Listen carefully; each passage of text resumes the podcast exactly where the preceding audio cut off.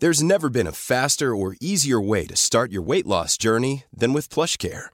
PlushCare accepts most insurance plans and gives you online access to board-certified physicians who can prescribe FDA-approved weight loss medications like Wigovi and Zepbound for those who qualify. Take charge of your health and speak with a board-certified physician about a weight loss plan that's right for you. Get started today at plushcare.com slash weight loss. That's plushcare.com slash weight loss. plushcare.com slash weight loss. Tony Media.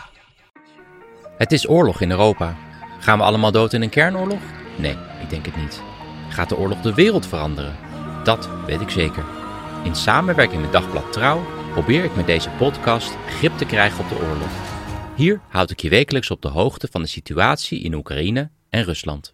Ik was afgelopen zaterdag, toen de pleuris uitbrak in Rusland, met mijn dochter naar het zwembad. Flevo Parkbad in Amsterdam. En uh, ik had mijn telefoon in een kluisje gedaan. Was ook niet helemaal overbodig, want iemand had ochtends de zwembril van mijn dochter gejat. Echt, wie doet zoiets nou? Als je toevallig luistert, geef haar bril terug. Het was een uh, speedo met donkere glazen. Hoe dan ook, ik zat niet alleen zonder zwembril, maar dus ook zonder telefoon, want die lag in die kluis. Dus ik kon het nieuws ook niet checken. Alleen als we tussen het zwemmen door even een tosti gingen halen of een ijsje, dan kon ik even op mijn telefoon. En ik checkte dan in 10 minuten al het nieuws. Mijn dochter totaal verwaarlozend als een soort ja, jaren 80 junk die eindelijk een fiets verkocht heeft en zijn shot heeft gezet. En dan ging die telefoon weer in de kluis en dan ging ik weer zwemmen met mijn dochter. Ja, en deze podcast is voornamelijk in het teken van die zaterdag en ook de nasleep daarvan. En ja, laten we vandaag gewoon proberen een beetje wijzer te worden van dat bizarre weekend. Dit is in ieder geval wat er gebeurde in week 18 van het tweede jaar van de oorlog.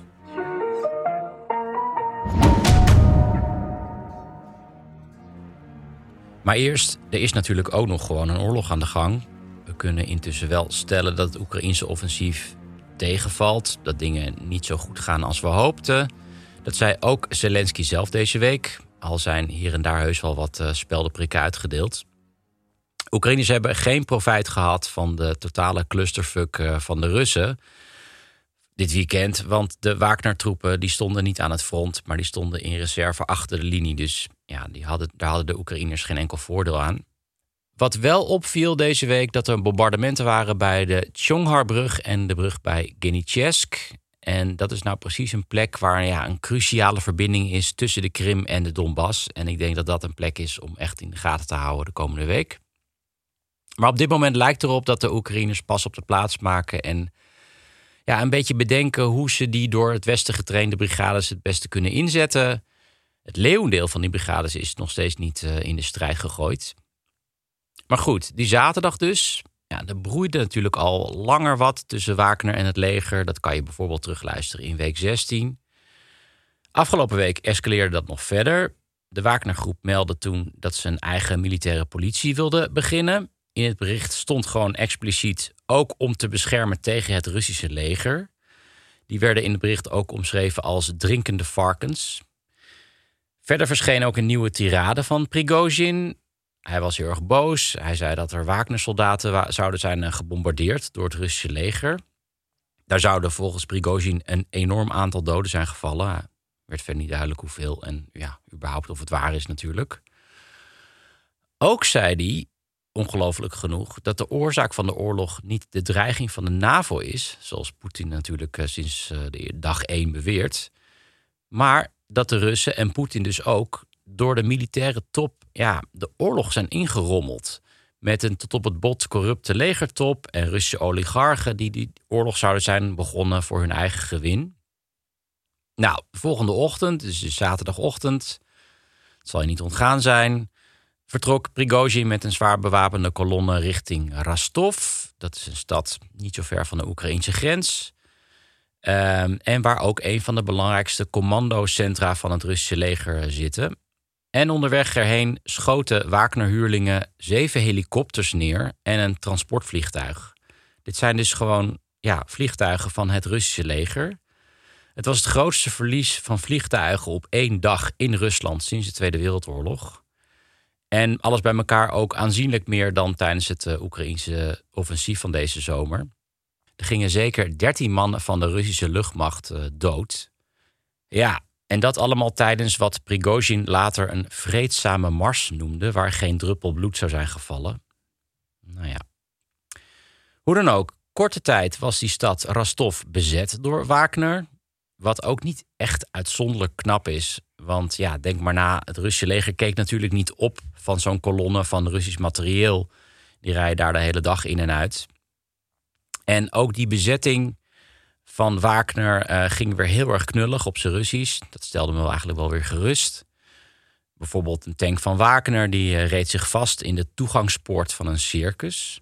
Geen idee waarom ze daar naar binnen wilden rijden. Misschien wel om een wasbeer te bevrijden. Beetje de traditie voor Russen die een stad bezetten. En ja, daar in Rostov doken ook videobeelden op van Prigozhin... die rustig op een bankje buiten zit te chillen... met de onderminister van Defensie Yunusbek Yevkurov.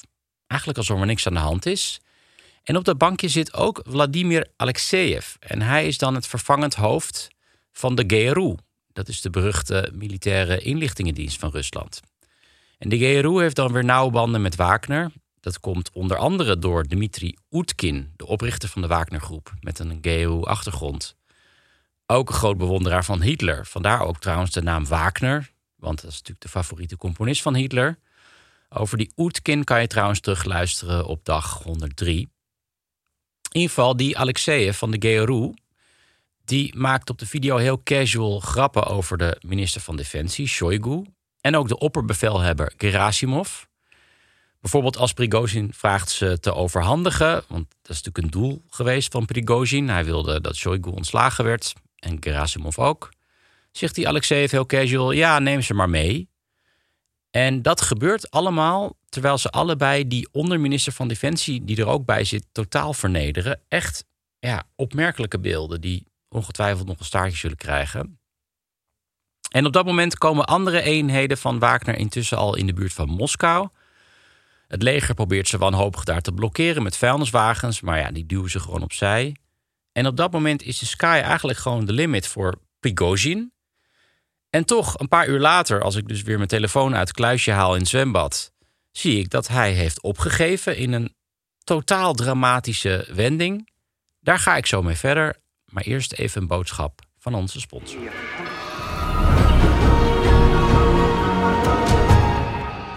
Ja, tijd voor iets luchtigs. Nou, dan raden jullie het al. De sponsor van deze week is natuurlijk Bamigo. Jullie kennen ze wel. Ze maken kleding gemaakt van duurzame bamboe. Maar wat jullie nog niet wisten, is dat ze sinds deze week ook vrouwkleding verkopen. Ook op verzoek van vele luisteraars van de podcast. Nou, ik heb op de site gekeken. Ze hebben voor elke vrouw of meisje wel wat. Ik noem bijvoorbeeld high-rise knickers, low-rise knickers, high-leg knickers. Ik heb geen idee wat het allemaal is, maar ik noem het gewoon wel op. En ze hebben ook een string. Ik dacht dat dat een beetje jaren 90 was of jaren 0. Hertengewijtje erboven, maar Misschien is dat wel alleen in mijn bubbel. En trouwens, de jaren 90 komen ook weer terug. Dus wie weet. In ieder geval, als je op zoek bent naar een string gemaakt van bamboe, dan zeg ik: ga daarvoor. Ze hebben ook nog een breed assortiment aan BH's. Neem eens een kijkje op bamigo.com. Natuurlijk kan je daar ook nog terecht voor mannenkleding, zoals bijvoorbeeld luchtige boxershorts. Ik ga volgende week een huttentocht doen in de Alpen. Nou, dan gaat die natuurlijk ook mee. Lig ik daar in een berghut in een luchtige onderbroek, na een lange dag wandelen, daar verheug ik me nu al op. Ontvang maar liefst 20% korting op je eerste bestelling. De korting is speciaal voor de luisteraars van de podcast met gebruikmaking van kortingscode Jelle20. Ja, we gaan weer verder. Uh, zondag ging een meme viral op de Oekraïnse socials. Je ziet de screenshots uit de film Forrest Gump. Uh, screenshots van die scène dat hij dwars door Amerika aan het hardlopen is. En op een gegeven moment gaan allemaal mensen hem ook volgen. En op een bepaald moment draait Forrest Gump zich dan om en die zegt dan tegen die mensen: Ja, ik ben moe, ik denk dat ik naar huis ga. Vrij plotseling. En uh, in die meme is dan Prigozhin's hoofd op het hoofd van uh, Forrest Gump geplakt. En zo voelde het zaterdag ook. Ik bedoel, die Prigozhin had het Kremlin binnen handbereik. Dus wat gebeurde er toen in vredesnaam? Nou ja, wat er echt gebeurde, weten we niet. Misschien had Prigozhin zelf helemaal geen plannen verder dan Rostov en wilde hij niet de rol van revolutionair op zich nemen en wilde hij gewoon een punt maken. Doe ik ook wel eens door zeven helikopters uit de lucht schieten. Uh, maar dat hij bijvoorbeeld niet Poetin per se uit het Kremlin wilde wippen midden in een oorlog. De Russische politicoloog Tatjana Stanovaya die legt dat veel eloquenter uit. Ik zal een link naar haar analyse in de show notes zetten. Sowieso iemand om te volgen, die Stanovaya. Maar misschien plande hij inderdaad wel een coup. En lukte het hem niet om het leger en de FSB achter zich te krijgen. Of misschien werd de familie van Prigozhin wel onder druk gezet of bedreigd. Daar doken ook berichten van op in het weekend. Die familie woont gewoon in Rusland. En ja, dat intimideren van uh, familie, dat is uh, standaard procedure van de FSB in de onrustige Noord-Caucasus. Daar ontvoeren of vermoorden ze zelfs uh, familie van vermeende terroristen. Maar goed, we weten het gewoon niet. En het enige waar we eigenlijk op kunnen varen is het Kremlin-narratief. Namelijk dat Prigozhin de muiterij stopte en in ruil daarvoor naar Minsk werd verbannen. En dus ook niet wordt vervolgd. De Wagner-soldaten worden dan ook niet vervolgd. Laat het dus even op je inwerken dat Rusland een land is waar een vader in een gevangenis belandt als zijn dochter een anti-oorlogstekening maakt op school. Maar een man die dan met een paar duizend soldaten een stad bezet en dertien heli's uit de lucht schiet, die wordt dan niet vervolgd. Ja, blijft gewoon een beetje bijzonder. Uh, vanochtend is Prigozhin inderdaad geland in uh, Minsk.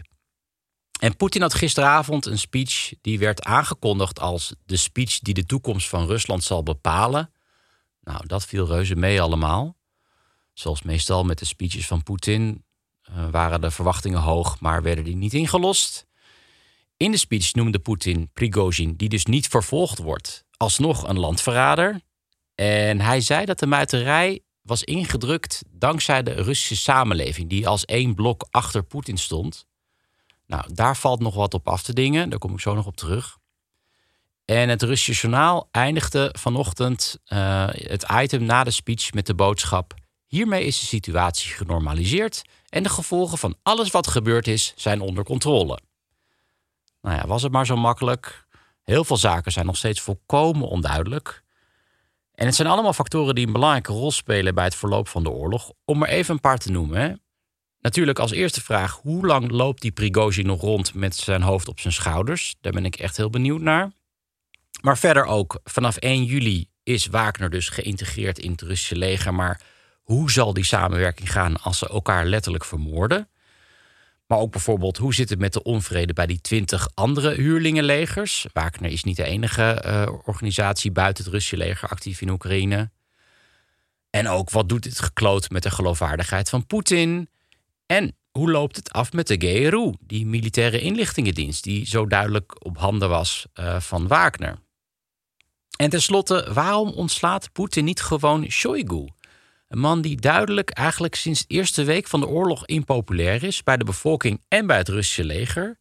Dat is ook de hoofdoorzaak van de muiterij van Prigozhin, die wilde dat Shoigu wegging. Eigenlijk zou dat gewoon een no-brainer moeten zijn. En ja, ik kan zelf alleen maar bedenken dat Shoigu iets over Poetin weet. Iets wat gezegd is of gebeurd is tijdens een of andere visvakantie in Altai. Ik kan echt niks anders bedenken. Allemaal vragen die hopelijk vroeg of laat worden beantwoord. Oké, en dan nog dit.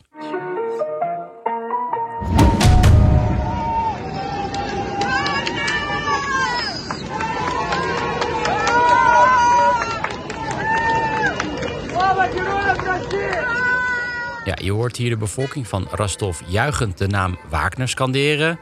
Ze zeggen ook leven de helden. Op het moment dat ze wegrijden uit de stad. En ja, daar doken ook meer beelden op van bewoners die Wagner-soldaten omhelzen en eten geven. Eerder op de dag trouwens was een hele opmerkelijke tweet van het officiële Twitter-account van de LDPR. Dat is de ultranationalistische partij van Zhirinovsky. Zhirinovsky leeft niet meer, maar die partij is er nog wel. Partij zit in de Duma en in de praktijk stemmen zij altijd voor de wetsvoorstellen van eh, de partij van Poetin.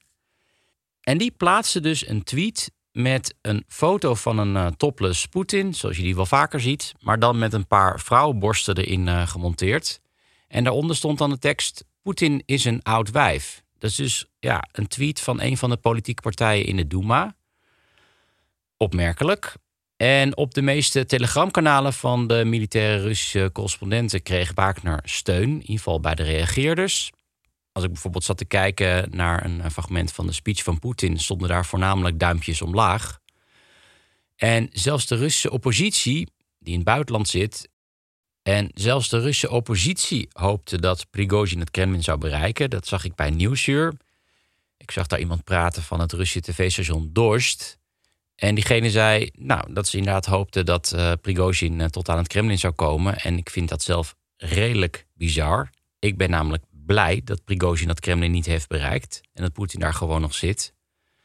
Eigenlijk, volgens mij, was dit het perfecte scenario voor de Oekraïners. Namelijk, de Russen zet zichzelf te kakken de autoriteit van Poetin wordt aangetast. Maar er is niet iemand aan de macht gekomen die nog erger is dan Poetin. Die Prigozhin wil bijvoorbeeld volledige mobilisatie. Hij wil een moderne Russisch leger. Hij wil de corruptie uitroeien. Dat zijn misschien ook een van de redenen waarom hij zo populair is bij gewone Russen. En hij wil een leger maken dat ja, veel gevaarlijker zou kunnen zijn voor Oekraïne. En dat gevaar dat hangt nog steeds in de lucht. En ik denk ook dat het draagvlak bij de Russische bevolking daar ook wel is. Inclusief dus ook bij de Russische oppositie, die zo erg bezig zijn met het verdrijven van hun aardsvijand Poetin, dat ze blind zijn voor de gevaren die het met zich meebrengt. De afgelopen week bracht de First Lady Olena Zelenska een bezoek aan Israël. Ze ontmoette daar president Isaac Herzog en bezocht ook een traumacentrum gespecialiseerd in kinderen. En ja, die band tussen Israël en Oekraïne blijft een beetje wankel. Deze week zei premier Netanyahu van Israël dat hij terughoudend was om wapens te leveren aan Oekraïne, omdat ze die misschien zouden exporteren naar Iran. Lijkt me hoogst onwaarschijnlijk, maar goed. Nou, dat zei hij niet hoor. Hij, hij, hij heeft gezegd uh, dat hij zich verzet tegen de levering van wapens aan, aan Oekraïne. Want uh, die kunnen opduiken aan de grens met Israël. Dat is al eerder gebeurd. En dat is ja, zomaar een, een, een, een flauwekul verhaal. Oké. Maar uh, uh, hij zegt niet dat die geëxporteerd worden naar Iran. Ze kunnen opduiken aan de grens met Israël. Misschien wel in Syrië. Misschien wel in Misschien ja, wel op die manier. Ja. nou, mijn gast is al aan het woord. En dat is namelijk Hella Rottenberg. Hallo Hella. Hallo, dag. uh, Sorry dat ik je onderbrak. Nee, dat is, als het niet klopt, dan klopt het niet. Dan moet je me corrigeren, absoluut.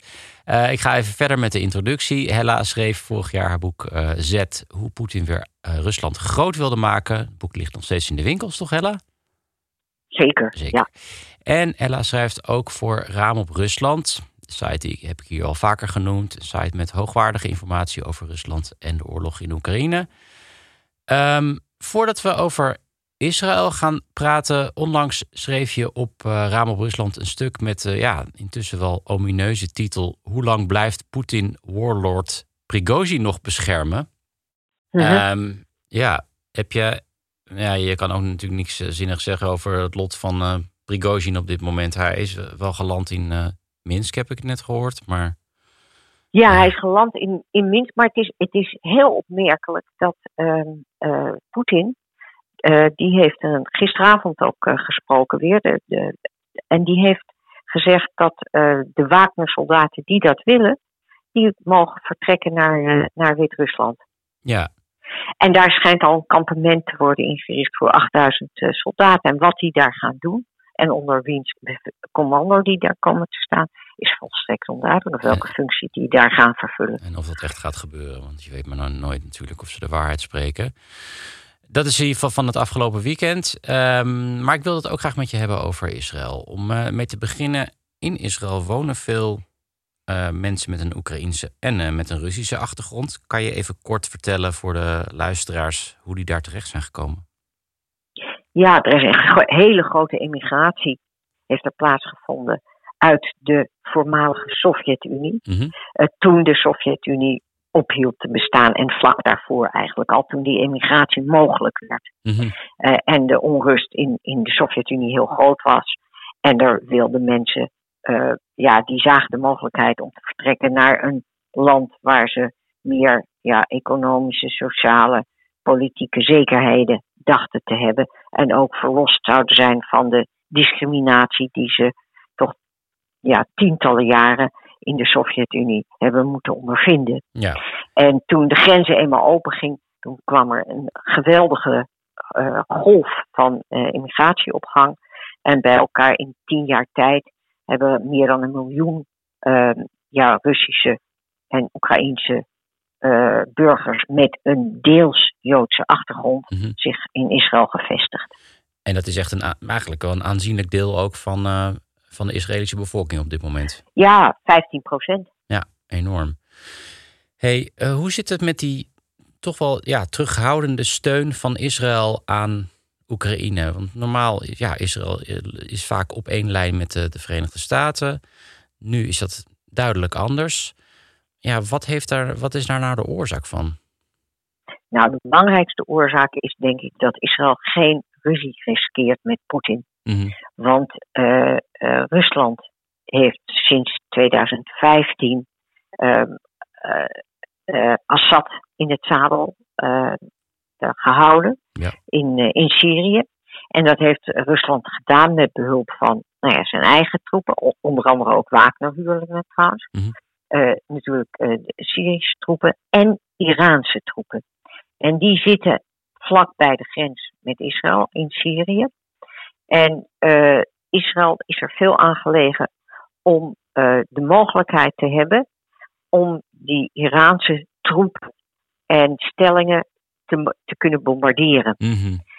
um, Rusland heeft daar hele uh, goede luchtafweer neergezet, die Ja. S-400 batterijen. En kan het Syrische luchtruim helemaal afsluiten daarvoor. Mm -hmm. En nou heeft uh, Netanyahu, die is nou, vaak uh, bij uh, Poetin op bezoek geweest, om te afspraken te maken daarover. En te, te regelen dat Israël, als het een seintje geeft van de Russische luchtafweer, uh, de mogelijkheid krijgt om die Iraanse stemmingen te bombarderen. Dat, dat willen dus ze blijven doen. gewoon in, en dat in gebeurt. overleg met de Russen kunnen de Israëli's uh, die stellingen bombarderen. Ja, zo is het. Ja. Dus de reden En- is eigenlijk meer geopolitiek dan dat ze nou per se een mening hebben over uh, het lot van de Oekraïners. Ja, zo moet je dat wel zien. Want in Israël zelf is er wel meer sympathie voor de uh, Oekraïners dan voor de Russen. Oké, uh, onder de bevolking en ook onder de immigranten uit Israël, uit Rusland en Oekraïne. maar leidt dat dan niet tot frictie in Israël als, die, als die, de mening van de bevolking zo anders is dan die van de regering? Ja, maar men, Standpunt. men, het hemd is nader dan de rok. Mhm. En uh, de, de vrees voor um, uh, raketten vanuit Syrië is groter dan uh, de, de wens om Oekraïne te steunen. Ja. Maar daar, daar zit een, een twist in hoor. Omdat Rusland sinds ze die oorlog in Oekraïne zijn begonnen en behoefte hebben aan drones en ander wapentuig, Mhm. steeds nauwer zijn gaan samenwerken met de Iraanse wapenindustrie. Ja. En uh, dat maakt dat veel mensen, commentatoren in Israël zeggen op, van ja, waar zijn jullie nou mee bezig? Uh, onze vijand is Iran. En uh, Rusland werkt samen met Iran. En jullie, de, Poetin, die, vers, die, die versterkt onze aardsvijand Iran ten koste van Israël. En wij blijven met Rusland zaken doen. Ja. Omdat we bang zijn voor de Iraniërs. Ja, want volgens mij bouwen die samen ook een, eh, dronefabriek, toch? eh, eh, in Rusland Ja. op dit moment. Dus Ja, is al vrij Die concreet bouwen ook. bo- een dronefabriek. Uh, Iran levert raketten aan, aan Rusland. Mhm. En Rusland levert weer vliegtuigen aan Iran. Dus uh, de logica daarvan uh, wordt steeds uh, kleiner eigenlijk. En dat zou ook misschien nog kunnen eh, verschuiven. Het zou kunnen dat Israël eh, uiteindelijk anders naar Oekraïne gaat kijken. Ja, maar er ziet het nu nog niet naar uit. Als je kijkt wat, wat er de laatste dagen is gebeurd, dan zie je dat uh, Netanyahu met die uitspraak waarmee dit Mhm. stukje begon, Ja. probeert een alibi te creëren voor het niet leveren van wapens aan Oekraïne. Want mm. Oekraïne dringt daar al heel lang aan.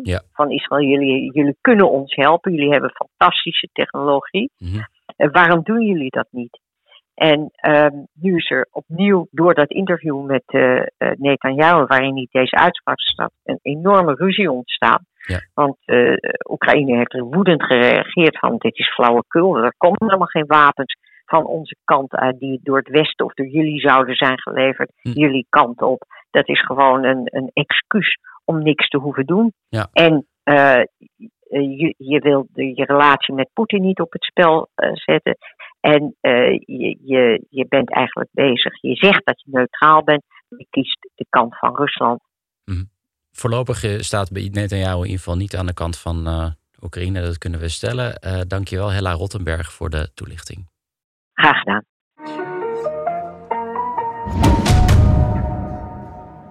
Dat was het voor deze week. Zoals ik al zei, ik zal linkjes naar de stukken van Hella Rottenberg over Prigozhin en Israël in de show notes zetten.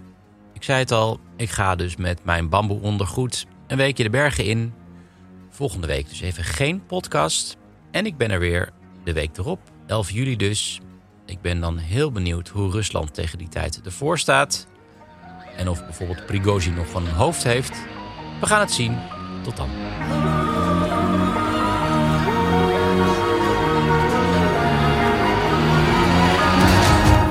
Dit was een productie van Tony Media en Dagblad Trouw. Voor meer verdieping ga naar trouw.nl. Planning for your next trip? Elevate your travel style with Quince. Quince has all the jet-setting essentials you'll want for your next getaway, like European linen, premium luggage options, buttery soft Italian leather bags, and so much more. And is all priced at 50 to 80% less than similar brands. Plus, Quince only works with factories that use safe and ethical manufacturing practices. Pack your bags with high-quality essentials you'll be wearing for vacations to come with Quince. Go to quince.com slash pack for free shipping and 365-day returns.